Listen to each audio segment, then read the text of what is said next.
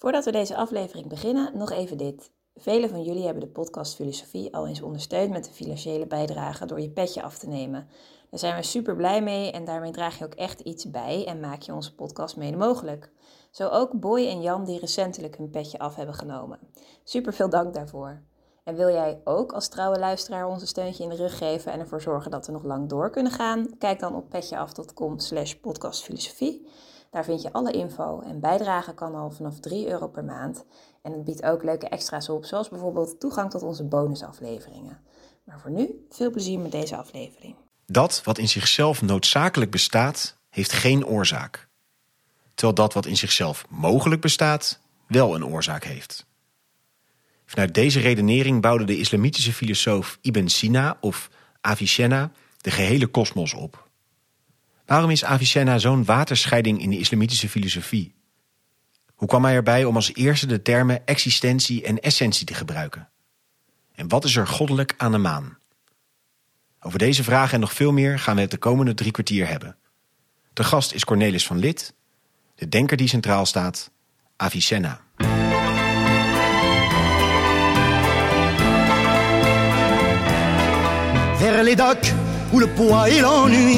Me courbent le dos. Dag, goed dat je weer luistert naar een nieuwe aflevering van de podcast Filosofie van het Centre Erasme, School voor Filosofie in Zuid-Frankrijk, Vlaanderen en Nederland. Mijn naam is Allard Amelink en het concept van deze podcast is zoals altijd simpel. Een hoofdgast, een presentator en een sidekick. En in ongeveer drie kwartier duiken we in het denken van één filosoof. En naast mij zit Kees Wijstra. Ja, dag. Ik ben er weer een keer bij. En Even we hebben geleden. een unicum eh, volgens mij te pakken. Want we zitten nu in onze woonplaats. Ja, jullie woonplaats. zeg onze maar. woonplaats Ja. voor het eerst eigenlijk misschien wel, Ja, denk ik. Toch eh, de- eigenlijk de hometown van eh, eh, het Centre Erasme. Dus ja, dat, eh, en het is nooit hier... Nee, nou, Nee. unicum. Mooi eh, moment. En eh, Ja. dat heeft een eh, grappige reden, want we zitten inderdaad Akkooi. En de hoofdgast van vandaag komt uit Leerdam. Nou, dat was dus duidelijk een snel te leggen lijntje dat we hier zouden afspreken. De hoofdgast van vandaag is Cornelis van Lid. Hij studeerde Lib- Liberal Arts and Sciences, filosofie en wiskunde aan de Universiteit Utrecht. Dit een Master Islamic Studies in Montreal. Promoveerde aan de Universiteit Utrecht. Dit postdocs in Cairo, Yale, Berlijn en Finland. En doet nu een postdoc aan de Universiteit Utrecht. En is ook nog docent aan de Universiteit van Leiden. Eh, in 2017 verscheen van hem The World of Image in Islamic Philosophy. Dat ingaat op onder meer het denken van Ibn Sina, de denker die vandaag centraal staat. Cornelis, welkom in de podcast. Ja, fijn om hier te zijn. Heel mooi dat we je mogen spreken over dus Ibn Sina. Ehm, misschien zal niet iedereen dat direct wat zeggen, maar zijn verlatiniseerde naam Avicenna zegt wel wat, eh, denk ik, voor veel mensen. We zullen de naam een beetje door elkaar heen gebruiken, eh, Ibn Sina en Avicenna. Avicenna werd geboren in 980 in het huidige Oezbekistan en hij overleed in 1037 in het huidige Iran. Hij was eh, een, ja, homo universalis, eh, zoals we ook al vorige aflevering hadden met Leibniz. Eh, geoloog, paleontoloog, natuurkundige, psycholoog, wiskundige, alchemist... maar vooral ook bekend als medicus en filosoof. En op dat laatste zullen we ons natuurlijk richten. En Cornelis, eh, we spraken eens over elkaar van tevoren... en toen zei ja, eigenlijk iedere expert van islamitische filosofie... is ook kenner van Ibn Sina. Is het gewoon een soort van degene om wie je niet heen kan? Ja, de, de, de, de, de, zeg maar de, het centrumpunt van, van de islamitische filosofie. Eh, eh, er, is een, eh, er is een voor en er is een na. Ehm, en in de islamitische traditie zelf wordt hij ook Sheikh al-Ra'is genoemd. De, de, de oppersheikh, zeg maar. De, de grootste, de big one. Ja, precies. En, en wat brengt hem in die positie? Zeg maar? Wat maakt dat er zo'n waterscheiding is tussen voor en na? Hij, heeft een paar cruciale interventies eh, gedaan in eh, de ontwikkeling van de filosofie. Eh, de eeuwen voor hem heb je de vertaalbeweging, waaruit vanuit het Grieks en Syrisch naar het Arabisch wordt vertaald. En hij is dan een van ja, de eerste. Natuurlijk kennen we ook wel Kindi en Farabi, die in Bagdad bezig waren in de eeuwen voor hem. Maar hij is dan toch van echt een nieuwe generatie die daarmee aan de haal gaat. En net wat ik zeg, ja, eh, op, op, op eh, dingen op een bepaalde manier zegt die echt nieuw waren, uniek waren. En die na hem dus eigenlijk ja, de nieuwe bouwstenen waren van de filosofie. Dus in de islamitische wereld zie je ook eigenlijk dat na Avicenna eh, gaat iedereen Ibn Sina lezen. Men leest in veel mindere mate nog eh, Aristoteles en Plato. eh, wordt wel gedaan, denk ik. Eh, maar het vertrekpunt is Ibn Sina. En eigenlijk kun je dat ook zeggen voor de ontwikkeling van de filosofie in, in Europa, in, in, de, in de scholastiek, waar Avicenna toch ook eigenlijk echt de grote invloed, natuurlijk samen met Averroes, die, ehm, die iets meer geënt was op Aristoteles. Ehm, maar ehm, eh, ook daar eh, een, een, een, een onversmade invloed heeft gehad. Ja. Hey, en, en, en wat doet hij dan? Maakt hij een, een, een, een compleet nieuw bouwwerk? Dat hij daarom zo'n nieuw ver- vertrekpunt is? Heeft hij een totaalfilosofie? Levert hij een paar interessante bouwstenen aan die, waar mensen op doorgaan? Wat, wat voor iets doet hij? Ja, nou, het, het is een, een tijd waarin veel filosofen soort systeemdenkers waren. Hè? Dus eigenlijk het, eh, het gehele spectrum wilden eh, eh, overzien. En ehm, zo zien we dat ook heel sterk bij, bij Ibn Sina. In eigenlijk zijn, zijn hoofdwerk, Shifa. Dat betekent zoiets als het medicijn. Ehm, dat is, ja, ik, eh, ik wijs het nu aan voor jullie. ehm, maar het, het, het beslaat eh, vele, vele Het is banden. heel dik. Het is heel Ja. dik. Ja, dat zien we. Ja. Eh, ve- vele banden. En de een zo'n dikke band is dan logica. En de andere dikke band is de fysica, de psychologie en de metafysica. En met name in de metafysica, zeg maar, eigenlijk vanuit daaruit. ehm, eh, doet hij een paar interventies die dan ook zijn weerslag hebben in al die andere gebieden. Ehm, eh, En dat totaalwerk, dat heet het medicijn. ja. ja. Oké. En, en, en eh, waar een medicijn voor wat? Of Ja, wordt het expliciet? Eigenlijk, Of eigenlijk heb ik me daar nooit zo heel erg in verdiept. Er is een ander werk dat een soort van eh, gereduceerde vorm eh, is. Een soort van eh, samenvatting, maar dan nog steeds een dikke pil. Eh. En dat heet een najat. Dat is iets, eh, zoiets als eh, de redder of ja, zoiets. Oké. Ehm, dus ja, de, de, ja het, het is ook een, wel een beetje... Ik denk dat het ook wel een beetje een arrogante man is geweest. Als je, als je de slimste man op aarde bent, ja, dan ga je denk ik toch ook ergens een beetje vervelen eh, tegen alles en iedereen. Het- Oh, Ja. dat, dat de redder zou best wel zo over zichzelf kunnen gaan, zeg maar. ja, dat of hij in ieder geval dat. Oh, ja, dat zou... Ja, ja, of in ieder geval dat hij dacht van, hè, wat ik schrijf, ja, dat, eh, dat, dat, gaat, dat gaat jou wel eh, genezen van, eh, van de onzin of zo. eh. Ja. Hey, neem je zo wat mee in die inhoud ervan. Je zegt die metafysica is een heel belangrijke bouwsteen in. Wat, wat, wat, wat schrijft hij daar en waar komt hij mee? Wat, wat zo'n impactvol is. Eh, ja, nou, en dat, dat gaat, dan gaat hij echt back to basics. En ehm, het, eh, het, is wel, eh, ja, het is wel echt hardcore stuff. eh, ehm, die, die band over metafysica. Ehm, toen ik het voor de eerste keer las, dat was echt het moeilijkste wat ik tot dan toe had gelezen. En ik was daarvoor eigenlijk bezig met Frankfurter Schule en zo. Nou, Adorno en Je was wel wat gewend, zeg maar. zijn, zijn nou ook niet echt zo eh, logisch eh, altijd. Maar dit was, eh, ik vond het echt, eh, ja, echt heel indrukwekkend eigenlijk. Hoe hij gewoon teruggaat en zegt: Oké, er zijn dingen die bestaan. Hoe, hoe kan dat? Hoe, hoe, hoe, hoe kunnen er dingen zijn die bestaan? Of, of met andere woorden, wat is eigenlijk überhaupt bestaan? Ehm, en een van de eerste eh, dingen die hij daar, eh, een van de preciseringen die hij daarin aanbrengt, is dat hij zegt: Oké, eigenlijk moeten we dingen die we ervaren in de wereld uitleggen in Bomen, planten. eh, Jazeker, uh, precies. Uitleggen in, in twee dingen: hun essentie en hun bestaan. Dus in het Arabisch is dat mahia, essentie. Ook wel de, de quiditas in het Latijn. Um, dus wat iets is? Of? Precies. En, uh, en dan het bestaan, wujud, bestaan is dat. En uh, door die precisering aan te brengen, uh, ja, heeft, heeft hij al heel veel gewonnen eigenlijk op wat daarvoor zeg maar, aan discussie afspeelde. En dan heeft hij niet helemaal altijd helder hoe die twee met elkaar verhouden. Want moet alles wat een essentie heeft ook bestaan? Moet alles wat bestaat ook een essentie hebben? Dit zijn dan dingen waar hij een beetje op hinkt, als het ware. Um, en uh, waar hij bijvoorbeeld ook al wel een beetje tussen de regels door spreekt over het, het ding in zijn essentie zonder überhaupt te spreken of het wel of niet bestaan heeft. Een soort van uh, ding aan zich, zeg maar. Um, en uh, aan de andere kant spreekt hij dus over uh, bestaan um, als aan de ene kant lijkt het soms een attribuut te zijn, aan de andere kant lijkt het soms um, ja, toch ook verweven in die essentie te zijn dat klinkt misschien een beetje vaag. Het is heel fundamenteel in ieder geval, dat zei je al. En je ziet dus ook dat, uh, dan kijk ik even naar de islamitische traditie, dat het, dat het in, in hele verschillende richtingen wordt uitgewerkt. Dus dat de ene filosoof die naar hem komt zegt, oké, er is alleen bestaan en essentie is, is niets eigenlijk. dus alles is alleen maar een vorm van bestaan. Terwijl een andere filosoof dan, dan weer zegt: nee, nee, er is alleen essentie. En bestaan, dat is um, alleen maar ja, een, een, label dat wij er mentaal opplakken uh, op dingen. Maar eigenlijk zijn er alleen essenties. Nou ja, beide posities zijn denk ik erg moeilijk om nu in deze paar minuten dat je erover hebt gehoord, om daar een, een idee bij te krijgen. Maar.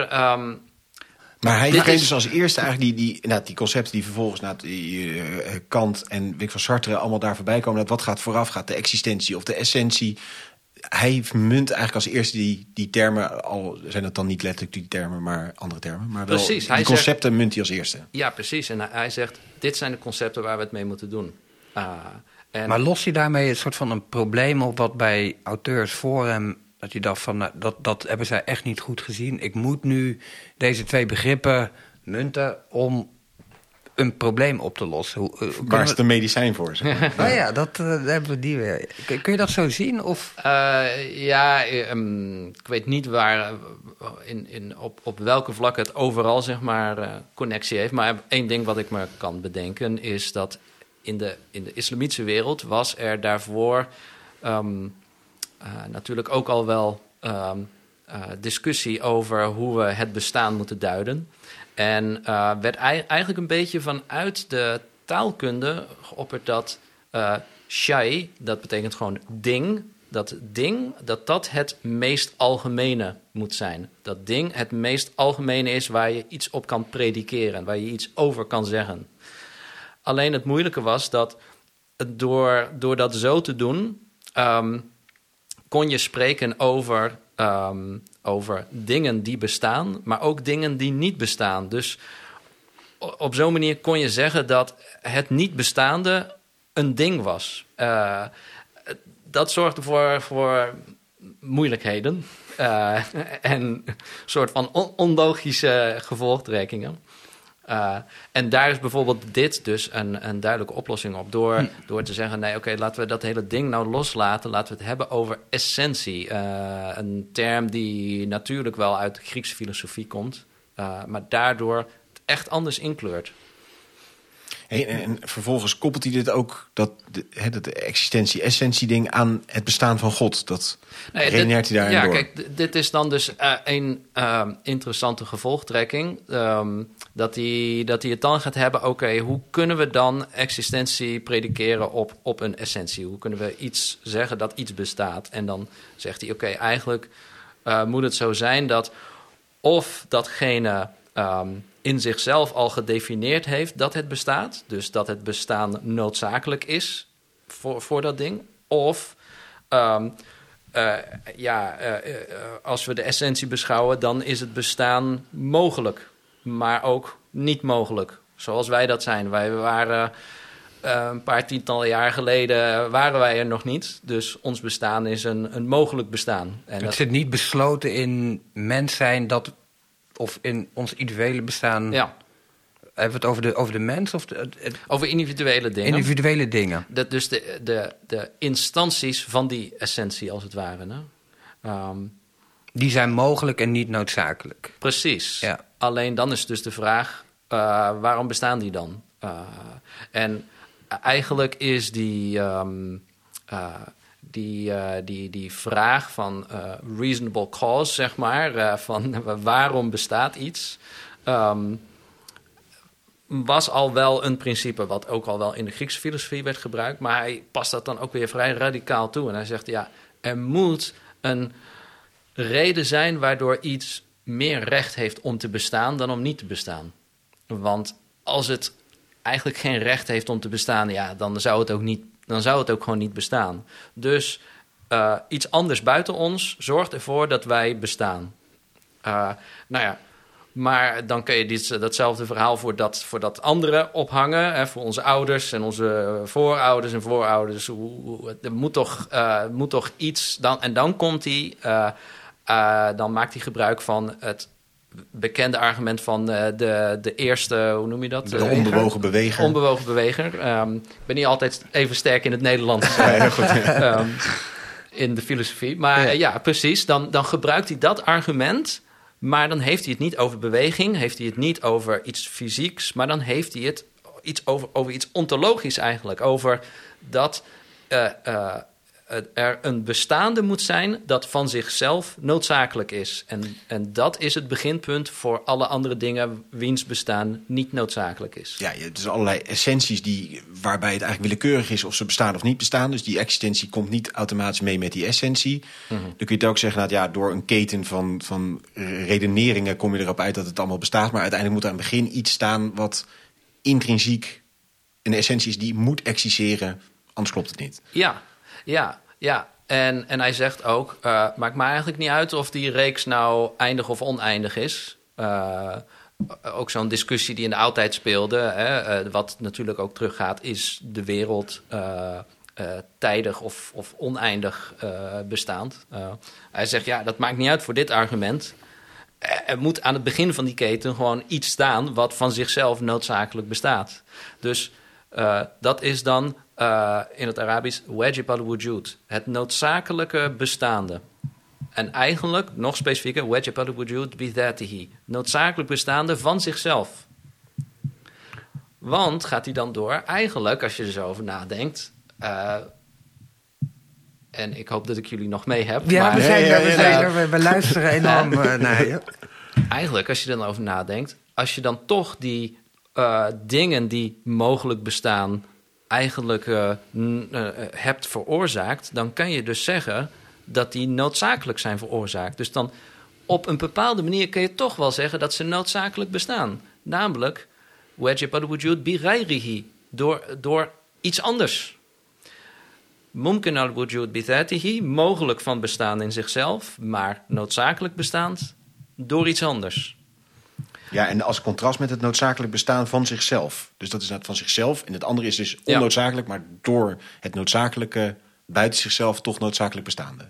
Ja, ja, ja. Dus, uh, nou, uh, ja, ik weet niet of het te veel helderder van wordt, maar ik snap het niet nou zelf ja, in ieder geval. Dat is in, in, één woord, in één woord deterministisch eigenlijk. Ja, het is een heel deterministisch wereldbeeld, uh, waarin er dus ook niet zoveel ruimte is voor ja, kans of vrijheid of iets dergelijks, waar die natuurlijk ook wel eens uh, slapeloze nachten over heeft gehad. En zich in bepaalde paragrafen uh, in dat dikke omheen probeert te worstelen. Maar uh, het, is, het is gewoon wat het is. Het zit echt helemaal vastbesloten eigenlijk door... Um, noemen ze ook wel een beetje een modale ontologie. Hè? Door, door, de, door, de, door ontologie, door, door het bestaan... Um, te labelen als noodzakelijk, mogelijk, onmogelijk. Uh, en, en, hij zegt, eigenlijk uh, is dat mogelijk bestaande... Ja, dat is uh, leuk om dat op zichzelf te bestuderen... maar in wezen treffen we alleen maar noodzakelijk bestaande dingen aan... en onmogelijk, onmogelijke dingen aan. Ja. En onmogelijk?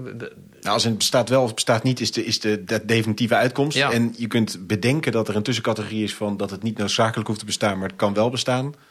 Maar de facto komt het op neer dat het wel bestaat. En dus is die is het de noodzakelijke wel is wel. Ja, ja, ja. ja. ja dus kijk, een, een, eh, een vierkante cirkel, dat is onmogelijk om te bestaan. Ja, ja, precies. Uh, dat, dat zijn dingen waar... Uh, dus het niet bestaan ligt in, in het ding zelf besloten, in het begrip zelf precies. besloten. Ja, precies. En, en op welke manier lag hij wakker van dat de de determinisme? Dat hij zijn eigen vrijheid ingeperkt voelde? Of, of wat gaat het niet zo existentialistisch? Nou, jawel. Um, um, omdat hij dan toch wel een bepaald zielsbegrip had. Um, waar als je, als je die passages dan leest, dan krijg je toch het idee dat, dat, de ziel, dat de ziel een kans heeft om zich te ontwikkelen. En het, uh, perfectioneren, als het ware. Uh, ja, dat lijkt mij dan toch moeilijk als het al helemaal vast ligt of zo. Ja. Um, hey, ja. Op het gevaar af, af te dwalen en anders moet je me... Uh, maar hoe, hoe werd dit gepruimd in de islam van die dagen? Of heeft hij het eigenlijk daarmee ontwikkeld? Of... Uh, nou ja, kijk... Um, interessant genoeg ken ik niet hele sterke verketteringen van Ibn Sina. Um, maar ik denk dat dat ook komt omdat het gewoon echt te moeilijk was. zeg maar, hè? Ik bedoel, een soort van uh, barrier uh, to entry, zeg maar. Dat zat toch in die tekst besloten. Ja, staan wel Arabische woorden, maar daar kun je geen... Uh, ja, als, daar kun je niks van maken, nee, zeg maar. Als boze buitenstaander kun je er moeilijk wat van maken. Ja, ja, ja. ja. Dus... Um, uh, aan de ene kant, dus uh, wat je wel ziet, waar dan soort van die, die, die soort van blanket statements van, nou ja, filosofen die hebben het bij het uh, verkeerde eind en bepaalde conclusies van de filosofen die stroken niet met, met religieus dogma, dus lastig, lastig. Maar uiteindelijk zie je toch een verregaande integratie van allerlei elementen van Ibn Sina's denken, juist ook in de theologie, waarin de dan heb ik het over wat in het Nederlands heet natuurtheologie. Hè? Dus zeg maar de intellectuele vorm van theologie, die veel lijkt op veel manieren filosofie is. Uh, die uh, in de eeuwen daarna eigenlijk hoogtijdagen viert. Ja, in, in tegenstelling tot theologie die zich vanuit de uh, teksten oriënteert, de, de, heilige teksten of, of ja, ja, was er ook wel, maar um, die natuurtheologie ja, die maakt een grote ontwikkeling door in die eeuwen daarna. En daar, daarin speelt Avicenna gewoon een, een, een enorm grote rol. Een ander uh, ding waar we het over moeten hebben is de kosmologie van uh, Avicenna ook. Hmm. Wat, wat, wat, houdt die in? Nou ja, ik denk dat het wel um, uh, interessant is om, om een beeld daarvan te schetsen. Omdat um, dat voortkomt uit die ontologie eigenlijk. en dat dat echt een heel wereldbeeld schept waarin hij dan ja, alles zeg maar, laat voltrekken. Dus oké, we, hebben, we hebben nu God beredeneerd, God bestaat, fijn, oké. Um, what else, zeg maar. Want God wordt dan ook op zo'n manier gedefinieerd, ja, um, uh, het noodzakelijk bestaande, het ding dat van zichzelf noodzakelijk bestaat, maar dat voor de rest compleet eenvoudig en eenduidig en uniek en uh, onveranderlijk uh, is. Um, in, in, moderne, moderne commentaren zeggen dan van ja, ik herken daar geen eens schot in, als het ware. Dat, dat is een beetje een soort van. Zo monolithisch. Uh, ja. ja. Dus en, en dan kom je dus ook op, op het klassiek filosofische probleem. Hoe kan um, uh, het ene uh, meervoud produceren?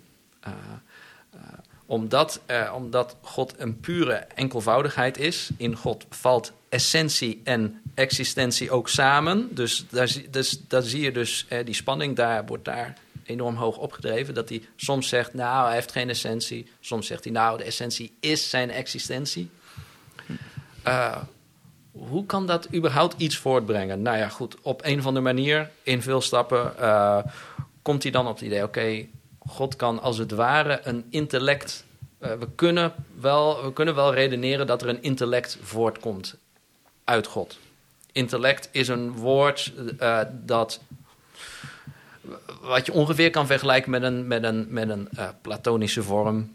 Een, een abstract, immaterieel ding dat ook enkelvoudig en, en volledig ja, ehm, ja, immaterieel is, is de, de meest gangbare beschrijving ervan.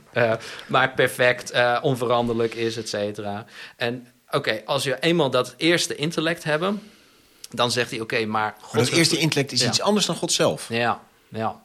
Maar is dat niet een hele wonderlijke.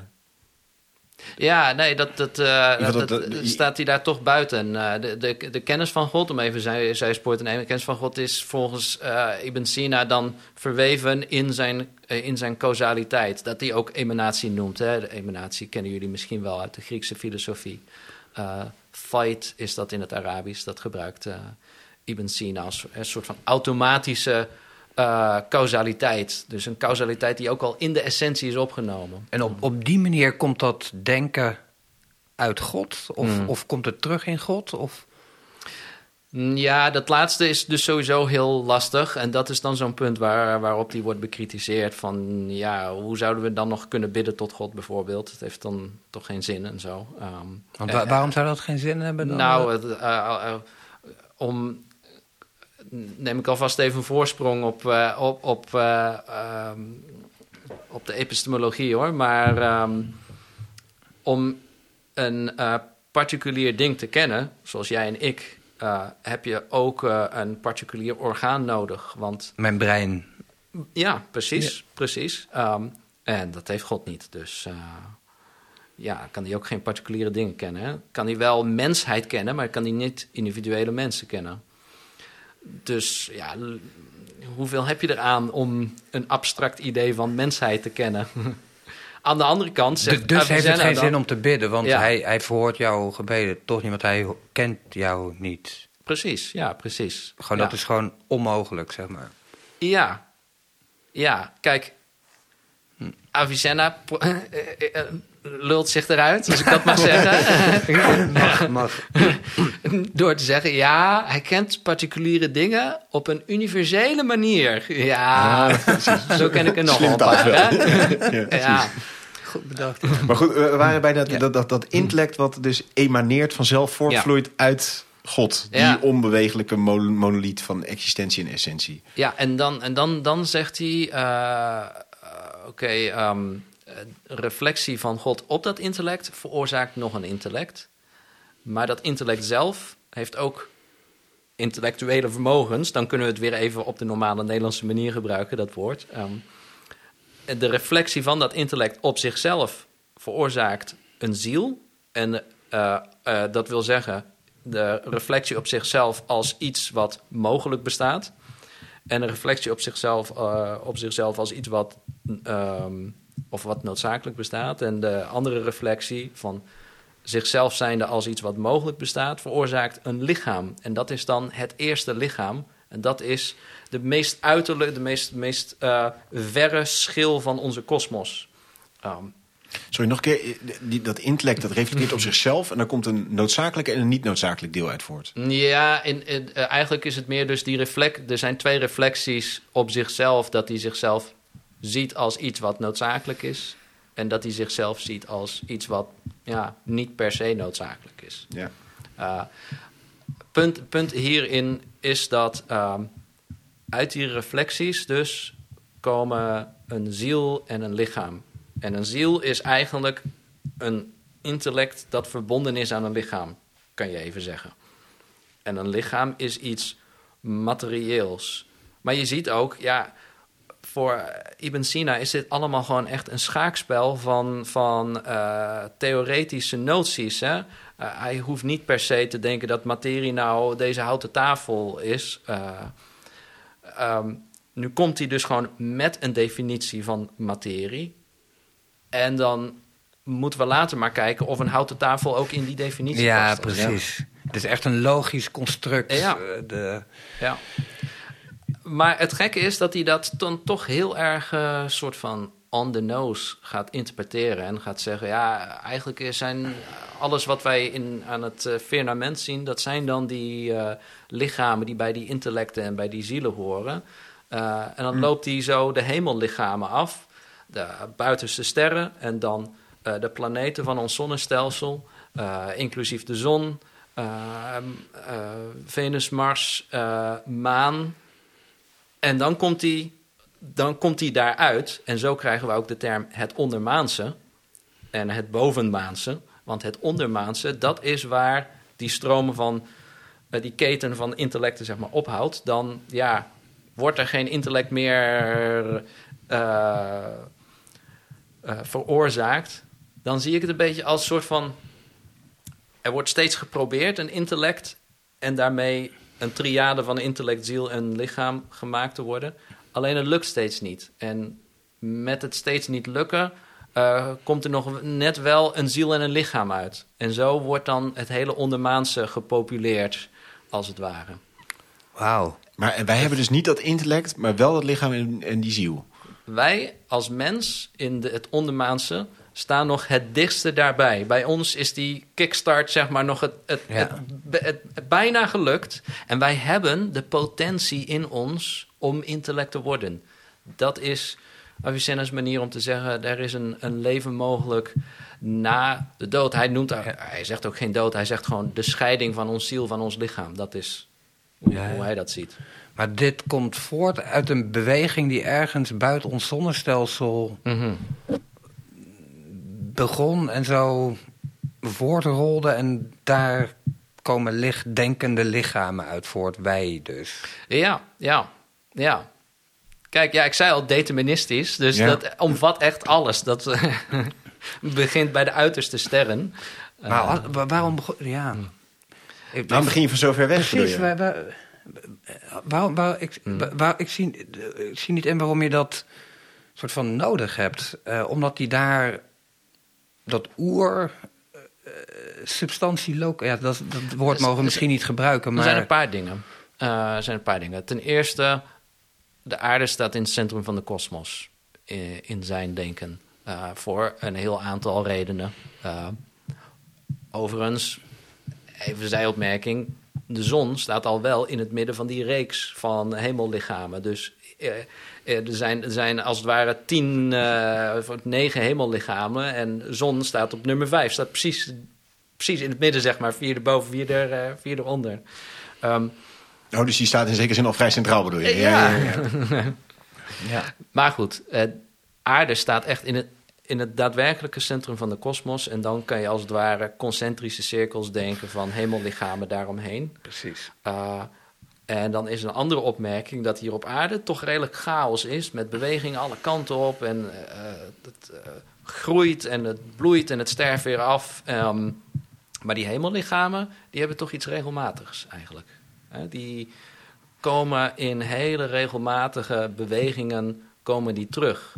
Eh, en je kan ook eh, eigenlijk wel eh, dan toch vrij gemakkelijk, hoop ik, eh, denken dat als stilstaan, als het ware, Ja. het meeste lijkt op wat God is. En, en een compleet volmaakt, eh, eh, onveranderlijk ding.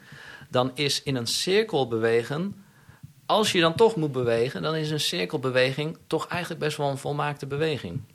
Ja, ja. En dan is die maan natuurlijk nog relatief eh, chaotisch met dat hij wast Ja. en eh, komt en gaat en weet ik wat. Ja. Maar... En eh, Mars is alweer een stuk constanter en die zon is helemaal constant. Ja, zo Ja. snap je het wel. Dat Ja. het steeds... En die, en die sterren, wij zien elke, eh, elke nacht toch dezelfde sterren. Die bewegen toch maar met een hele eh, kleine beweging, zeg maar. eh. En die verstarren al steeds meer, zijn dus eigenlijk steeds goddelijker haast. eh, Ja. ja. Maar is het niet, niet leven dan beter dan leven, in zekere zin? Als in... Mm. Want Ja, interessant hè, ja. Ehm, Je kijkt er nu ook een beetje moeilijk bij. dat is een goede vraag. nou, misschien dwalen we af, maar dat, dat lijkt al Ja. een beetje de conclusie te zijn, toch? nou, niet, ja, niet helemaal. Kijk, dan kom je ook op termen als ehm, passiviteit en activiteit. Eh, en eh, materie is eh, pure passiviteit. En, eh, en intellect is pure activiteit. Eh, wat een, een, eh, een, een goede kwaliteit is, wat nobeler is en daardoor beter is. En bijvoorbeeld een steen is, eh, nou, komt al aardig in de buurt van complete passiviteit. Van ja, gewoon materie en, en niet meer dan dat. Ehm, eigenlijk afwachtend om gevormd te worden tot iets beters. Nou ja. Ja, en dus is niet, maar het gaat ergens om die onbewegelijkheid meer dan, dan dat, de- Stilstaan. het stilstaan. Ja, het, het, het mentale stilstaan. Zo, zeg Ja, maar. ja, ja. Ja, ehm, eh, toch. ehm, dat is dan toch vrij religieus in zekere zin. We worden zoals God. Ehm, Ja.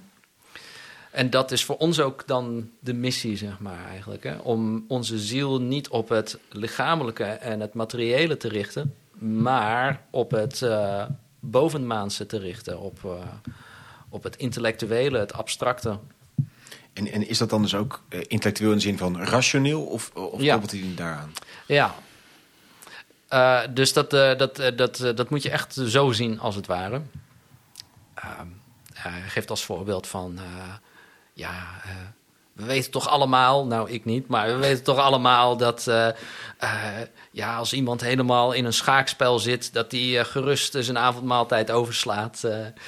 Dat laat toch zien dat het intellectuele genot... veel groter is dan het materiële Ah, ja. genot. en ja, hij koppelt dat dan aan, de, aan, aan, aan zijn hele zieltheorie, waarin hij eh, drie verschillende lagen in de ziel aanbrengt. Ook weer een ehm, verdeling die wij nog steeds vandaag de dag gebruiken. Wij hebben het nog steeds over een vegetatieve staat. Als iemand eh, in coma ligt. Eh, nou, dat, dat, dat, daar, daar, daar is hij niet misschien helemaal mee begonnen, maar hij heeft dat wel heel goed eh, gedefinieerd als een vegetatieve ziel. Is dat deel van de ziel dat voor eh, voeding zorgt en eh, voor het insta pure instand houden van het leven, als het ware. Dat is de laagste. Laagste niveau, ja. En de andere twee zijn? Nou, ja, dan komt hij op de, zeg maar, de.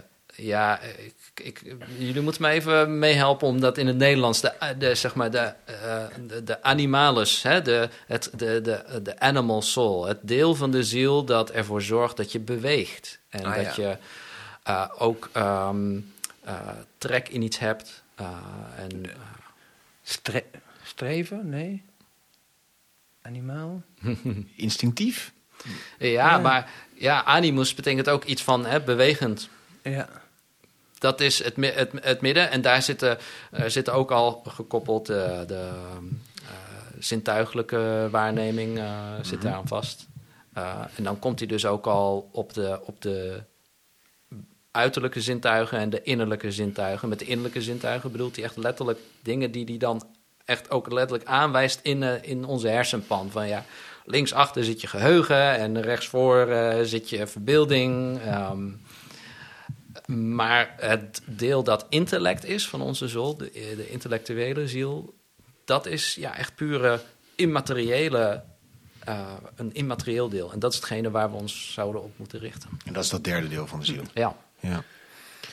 Hey, dit is volgens mij een, hebben we zo eh, eh, en ontologie en kosmologie en ook een stukje persoonlijke psychologie eigenlijk eh, gepakt. Als je kijkt naar, je zegt het is een, een, een waterscheiding van de voor en de na. Kun je iets vertellen over die, die daarna? Dat is een hele grote vraag. Maar van, op welke manier, je zei al iets van, mensen gaan hier dus eindeloos over nadenken. Over eigenlijk al deze kwesties die hij neerlegt. Of, of hoe gaat die traditie, gaan mensen hier allemaal juichend mee om? Wordt die juist ook veel bekritiseerd? Of Ja, ehm, nou ja, ik, ik zal een voorbeeld geven. Eh, ik zal het voorbeeld geven van mijn eh, boek, The World of Image in Islamic Philosophy. Het is ook een voorbeeld dat laat zien dat als islamoloog ontkom je niet aan Ibn Sina. Ik wou Suhrawardi bestuderen. En Sugawardi is? een, een filosoof uit, uit de 12e eh, eeuw. En ehm, eh, die, eh, ja, die ontegenzeggelijk ontwikkelt die voort op wat Ibn Sina zegt. Uh, die wordt ook gezien als een hele originele filosoof. Eh, maar als je dan eh, goed gaat kijken, dan zie je toch van ja, maar de zaadjes zijn toch wel eigenlijk al wel gelegd. En eh, de bepaalde definities, een soort van de afrastering van, van het discours, is al gedaan door, eh, door Ibn Sina. Eh, in dit geval dan gaat het dan over eh, hoe zouden wij nog eh, in het hiernamaals, om het zo maar te zeggen, of eigenlijk dus na de dood, hoe zouden wij nog een vorm onder intellectuele eh, eh, kennis of intellectuele capaciteit kunnen hebben? Want is nogal wat om te zeggen, ja, alleen mensen die hun intellect hebben ontwikkeld zullen dit leven overleven en de rest, ja, sterft af met het, samen met het lichaam of zo. Of, dus het ja, is misschien wel wenselijk om een soort van tussenstadium. Ja, dus die gaat eigenlijk door op die, die driedeling van, van eh eh, Ibn Sina, van die ziel. En Ja. die gaat dan volgens daarop door filosoferen. Dus nou, Ja. ook daarvan is het echt een vertrekpunt. Ja. En dan zie je ook duidelijke kritieklijnen. Wordt, er ook, wordt die ook eh, aangevallen of, of gebeurt het eigenlijk niet? Mm, nee, ja, ehm, zeker, zeker. Ehm, ik zit even te denken aan een goed voorbeeld. Ehm, Want die, die andere grote, Ibn Rushd, zeg ik het zo goed? mhm. die, die is na Avicenna, toch? Of voor? Ja, dat is ook alweer, ja, is ook alweer een eeuw. ehm, die is eigenlijk gelijktijdig met Suhrawardi. Oké. Ehm, dat is ook het interessante. ehm, Averroes, Ibn Rushd kennen we natuurlijk beter. Eh is misschien een meer bekende naam. En die zit dan helemaal in het westen van de islamitische wereld. En beïnvloedt dan de, de filosofie in Europa. Suhrawardi is juist dan degene die het, die het, het voortzet in de islamitische wereld. Ah, ja. En Averroes... ehm, ehm, ik, ik, ik denk dat het meer zoiets is dat op, op detailniveau Averroes dan eh, wel eh, in debat wilt gaan met, met Avicenna. Maar omdat... eh, ja, op een of andere manier ligt daar al zo'n ehm, invloed op... Hè, dan, dan komt het weer aan op soort van die afrastering, als het ware...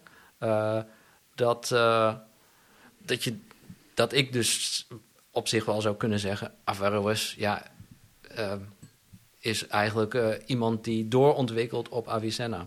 Ja, Ja. ook weer. Ook weer weer. hem. Dus, nou. Ja. En als we kijken naar het heden, dat is een hele lange sprong. Ehm, het, het lastig, we, we hebben volgens mij die hele gedachte-exercitie geprobeerd met je mee te volgen. En eh, we hebben nou een beeld van waar we die uiterste randen van de kosmos en de onbewegelijke eerste begin, et cetera, naar ons toe. Dat is allemaal wel een hele interessante intellectuele oefening, maar blijft wel heel ver weg staan van een 21e eeuwse eh, eh, luisteraar. Wat, wat in de, hoe, hoe moeten we ons daartoe verhouden in zekere zin, zeg maar? Is, is het een, eh, interessant om, om te weten als een historisch verschijnsel? Of zeg je wel van ja, er zitten wel echt dingen in die, die relevant zijn voor vandaag de dag? Hmm, even kijken hoor. Ehm, ja, wat, wat, ik, wat ik merkte afgelopen semester eh, in ehm, lesgeven aan, aan eh, bachelorstudenten was eh, dat ik echt mijn perceptie van het onderwerp moest aanpassen, om, omdat zij fundamenteel er anders naar keken. Ik kijk naar filosofie om geschiedenis beter te begrijpen, maar zij waren daar gewoon. Zij vonden het prima om naar geschiedenis te kijken. als ze maar wel filosofie konden bedrijven, zeg maar. Eh, eh, studenten die, die waren niet geïnteresseerd in de historische inbedding. of de historische invloed. of van, van, van bijvoorbeeld Ibn Sina. Ehm, maar eh, die waren wel heel eh, naastig op zoek naar hoe, hoe kan ik dat voor mijzelf inzetten. Ik, bedoel, ik vond het echt knap dat we deden een, een heel semester een cursus over middeleeuwse filosofie. En een kwart van de papers ging over eh, hun ervaring met, de corona, met het coronavirus. Ja, ja. Dus ja, dat vond ik wel heel mooi om te zien hoe ze, dat, hoe ze die stukjes kennis dan toch toepasten om gewoon zingeving te geven aan Ja, wat ze en, om en andersom heen zeg jij van ik, ik probeer dat denken te doorgronden zodat ik de tijd beter begrijp. Ja, eigenlijk, ja, van dat, toen. dat, dat Ja. is het, dat is het Ja. voor mij. ja, dat dus meer betreft, het is een eh, historisch eh, eh, onderzoek. In Ja, kijk, wat ja. dat betreft ben ik dan meer een historicus dan een filosoof, zeg maar. Ik ga, ik, ik ga niet met Ibn Sina in discussie. Dat, eh, Nee. Of zo van, nou, wat kan ik er morgen mee? Nee, dat is gewoon niet zo'n eh, de Ja. vraag dan. Nee. Maar heb je inderdaad zoiets... de- om, bij, van Aristoteles bijvoorbeeld werken we nog eigenlijk altijd met de, de deugdenleer. Mhm. Eh, de- de- er zijn nog steeds mensen mee bezig en allerlei moderne interpretaties van, om maar even iets te noemen. Dus dan zijn we aan het werk met een filosoof van, nou ja, eh, heel lang geleden. Ja. Zou er in het werk van, van eh, Avicenna ook zoiets kunnen zitten waar je zegt van, nou, daar, ja, daar, zou de, daar, zou, ja, daar zou de wereld eigenlijk nu ook nog steeds wat aan hebben of zo? Of, Mhm. Nee, eh, dus een, een aantal noties eh, hebben heel lang doorgewerkt, zoals eh, het noodzakelijk bestaande in het zelf. Eh, de, eh, Die existentie, essentie, eh Oh ja, dat is wel Ja, hele ja. Ja. Die, die, die, Ja. eh, het zeker. Hè? En, en die drie lagen van de ziel. ehm, en, en soms ook, ja, dus soms zie je het ook gewoon op hele kleine dingen die, die, die, dan, eh, ja, die, dan doorschijnen. Bijvoorbeeld de leeftijd van zeven jaar. Eh, nou, komt het ook al wel uit de Romeinse wet, maar eh, bij Ibn Sina en andere filosofen in de middeleeuwen wordt dat echt filosofisch verankerd. Waarom is zeven jaar nou een belangrijke leeftijd? Dat is dan zo'n leeftijd waarop je ehm, een, een nieuw soort van deel van je ziel als het ware ontwikkelt, waar je meer beredeneringsvermogen door krijgt. En daardoor zie je nu dat bijvoorbeeld in de katholieke kerk is zeven jaar de leeftijd waarop je eerste communie doet.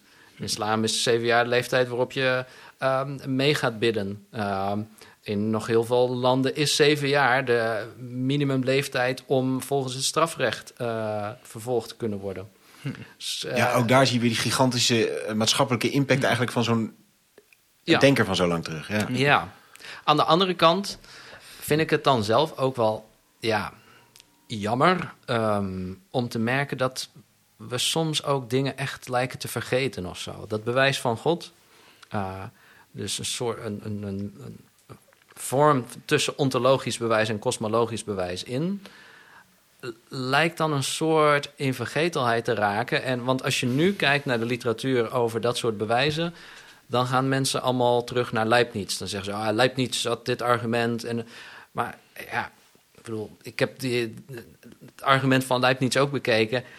Ik vind het minder sterk in elkaar zitten dan, dan Ibn Sina. Die had daar toch echt heel wat meer ehm, bij bedacht, als het ware. Mhm. Eh, en dan denk je, ja, Ga terug naar die ultieme Ja, wortel van waar ja, het begonnen is. zijn we nou het Ja. wiel opnieuw aan het uitvinden? Of, of gaan we zelfs een soort van een tandje terug of zo? Eh, Maar, maar heb je ook het gevoel, want hoor ik, heb je het ook het gevoel dat, dat, eh, dat we daar überhaupt ook nog iets aan kunnen hebben? Want dat zullen mensen ook zeggen van ja, dat is wel leuk om met godsbewijzen te Mhm. komen, maar ja, eh, eh, ja God, God is er gewoon niet of zo. Maar in de zin van, die, zijn die godsbewijzen ook iets waar je zegt van nou, daar zouden we, als, daar zouden we best nog eigenlijk naar, wat naar kunnen kijken? Ik vind het wel echt een van de sterkste godsbewijzen. Eh, eh, of, of je er nou, of je er nou eh, graag eh, op de conclusie wil uitkomen dat God bestaat, of op de conclusie uit wil komen dat God niet bestaat. Dat bewijs, daar moet je dan toch iets mee doen, denk ik. Ja. Ja, en op zijn minst dus inderdaad als historische eh, eh, eh, impact die het heeft gehad. Dus daarmee is het inderdaad in zichzelf al een, goed ding om te, eh, te onderzoeken. En ik denk misschien het laatste wat Ivo voor onszelf een, een pleidooi is. En ik denk dat er ook wel gewoon meer ruimte mag zijn voor deze islamitische filosoof. Het grappige is natuurlijk dat we de, in, de, de, de, de kruisbestuiving met de westerse traditie, waar die gewoon veel meer op ons netvlies staat, heel evident is. eh, waardoor het ook relatief makkelijker in te passen is. Maar dat eh, is denk ik sowieso een krachtig ding, omdat het gewoon een, een schakel eigenlijk in die hele voortgaande lijn is. Terwijl we hem vaak denk ik een beetje apart parkeren van, oh ja, dan heb je ook nog de islamitische filosofie. Maar, Ja, ik had altijd geleerd, maar ik, ik, dat, ik, begrijp, ik begreep al uit het voorgesprek dat dat niet zo is. Van dat je dus Avicenna had en dan eh Ibn Rushd. En, en toen stopte een beetje denken in... ja, toen dus ging het rond- verder in rond het westen. laat ik- 1200. eh, precies. maar dat is een mythe en, dus. eh, eh, dan gaan we vrolijk ja. verder met Europa. Ja. Dan, eh, ja. we hebben even dat ene exotische uitstapje gehad en Ja. kunnen we gewoon weer... Ja, nee, en, de koude en- klei. ja, en dus moet je horen, hè, dus dat is eh, 100 jaar geleden is het dan een keer door iemand opgetekend, Karl Brokkelman, echt een gigant in ons vakgebied. Ehm Geschichte der Arabischen eh, eh, Literatuur. 100 jaar geleden. 100 jaar geleden, wat is er rond Ja. eh, 1900 of zo, heeft, hij, heeft Karl Brokkelman het volgende opgeschreven. Die heeft gezegd, ja, en in de eeuwen daarna zijn nog vele pagina's met zwarte inkt bedekt, maar weinig werd er echt gezegd. ja, dan ga je over een periode van 800 jaar, ga je Ja, ja. even in een, in een halve bijzin zeggen gewoon, schrap. ja, dat- zeg je waarschijnlijk vooral, heb ik niet gelezen. dat denk ik, eh, er staat niet zoveel voor Too in. long didn't read, zeg Maar, maar. maar liggen daar nog allerlei parels en schatten te ontdekken? Is dat jouw indruk in die 800 jaar? Ja, dus dat is wat ik eigenlijk. eh, Dat is eigenlijk wat jij doe. doet Daar is, ook, ja. er is ook een, een, dat is een beetje een, een, eh, ja, een grotere beweging in, in, onze, in ons vakgebied om die periode serieus te nemen. Maar het komt met heel veel uitdagingen. Ehm, eh, en, en dat maakt het ook wel echt, echt wel lastig. Ehm, eh, er zijn heel weinig edities van teksten uit die tijd, dus er moet ook veel manuscriptwerk verricht worden. Eh, er ligt geen kanon, dus we weten niet wat de belangrijkste werken zijn. Dat moeten we allemaal nog in kaart brengen, als het ware. Ehm, en eh, een van de moeilijkste fenomenen, en degene waar ik me veel mee bezig, is dat er heel veel commentaren werden geschreven. Dat wil zeggen, het gewoon de stijlvorm van commentaar werd gebruikt. Dat wil niet zeggen dat er alleen maar exegese eh, werd bedreven, als het ware. Maar ja, was gewoon een stijlvorm. Maar daarbinnen in zo'n commentaar gebeurt nog heel veel. En hoe ziet, zo'n hoe ziet dat eruit? Even dat is zo'n commentaar. Dus een commentaar in strikte zin is: je citeert een tekst en dan op een gegeven moment stop je met citeren en ga je eigen woorden toevoegen. Ehm, Oké. Maar, eh, dus daar kan je je voorstellen natuurlijk dat, eh, dat je een zin citeert en dan eh, uitlegt of zo. Of er staat in een zin in de stad Leiden en dan voeg jij toe... Dat, is in, dat ligt in Nederland en dan ga je verder met citeren. Om even uit te leggen waar Leiden is. of Ah, zo, hè? zo. Ja. Dat is een commentaar. Dus je hebt de brontekst, zullen we maar zeggen, de, de, de oertekst. En dan de tekst van de commentator is daarin verweven. En vaak op zo'n manier dat je ook niet echt kan zien waar nou de een of de ander ophoudt. Soms wordt het in andere kleur inkt opgeschreven, dat is handig. Dat is wel handig, ja. Uh, maar soms ook niet. Um, en nou moet je bedenken, wat als je gewoon na elk woord vier regels toe gaat voegen? Ja. Is het dan nog een commentaar of is het eigenlijk gewoon een eigen tekst? Eh, eh, Ja, dat, ja. Dat, dat, dat soort teksten Dat is een van jouw moeilijkheden in jullie onderzoek, zeg maar. Ja, dus dan, dan is het echt te makkelijk om het af te serveren als ook commentaar, dus secundair, dus doet er niet toe. Nee, er gebeurt ontzettend veel. Um, en, dan, en dan heb je ook nog eens dat je commentaar op commentaar op commentaar krijgt.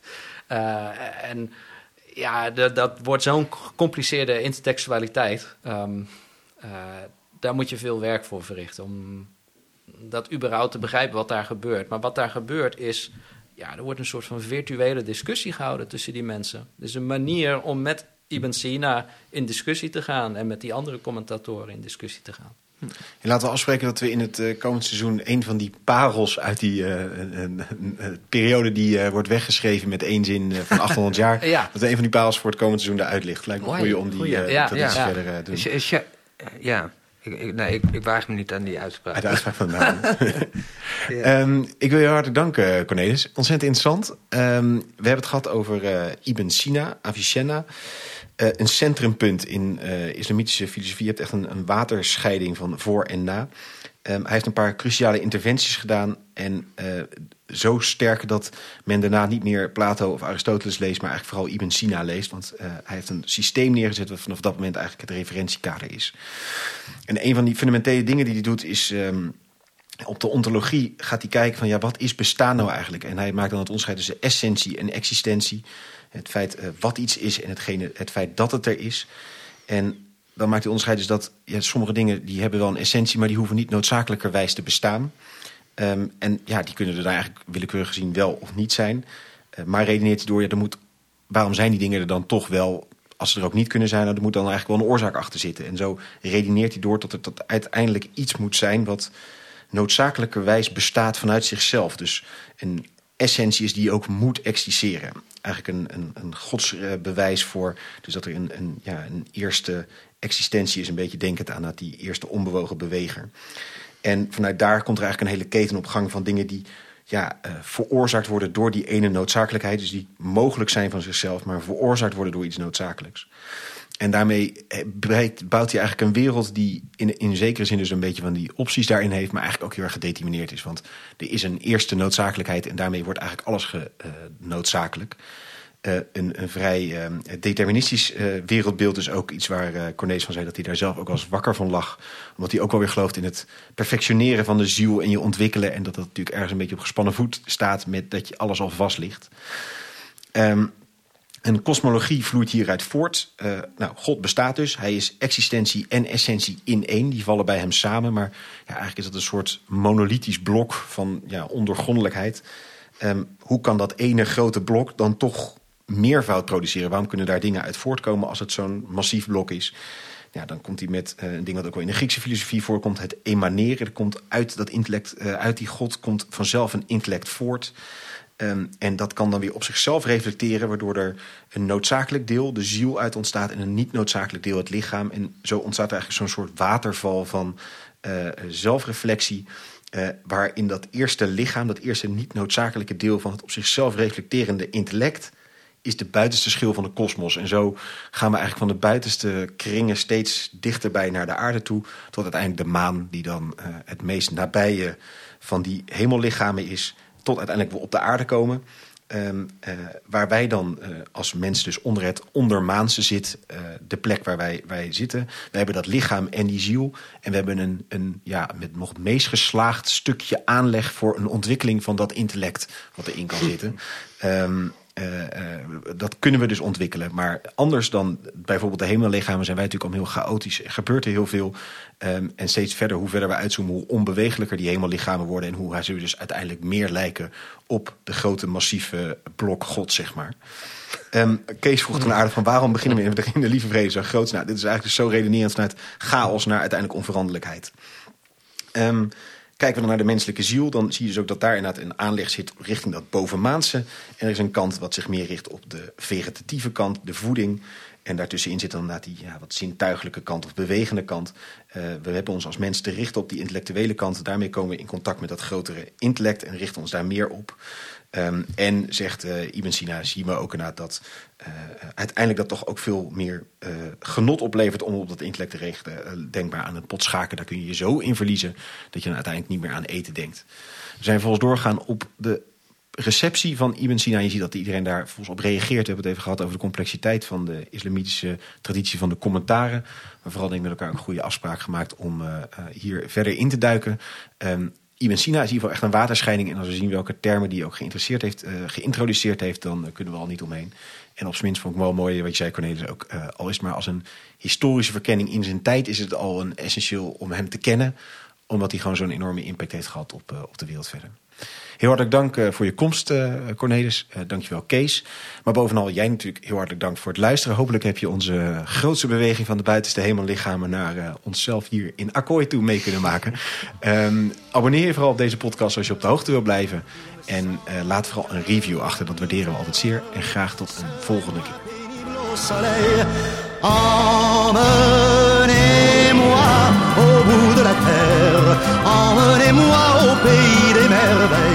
Il me semble que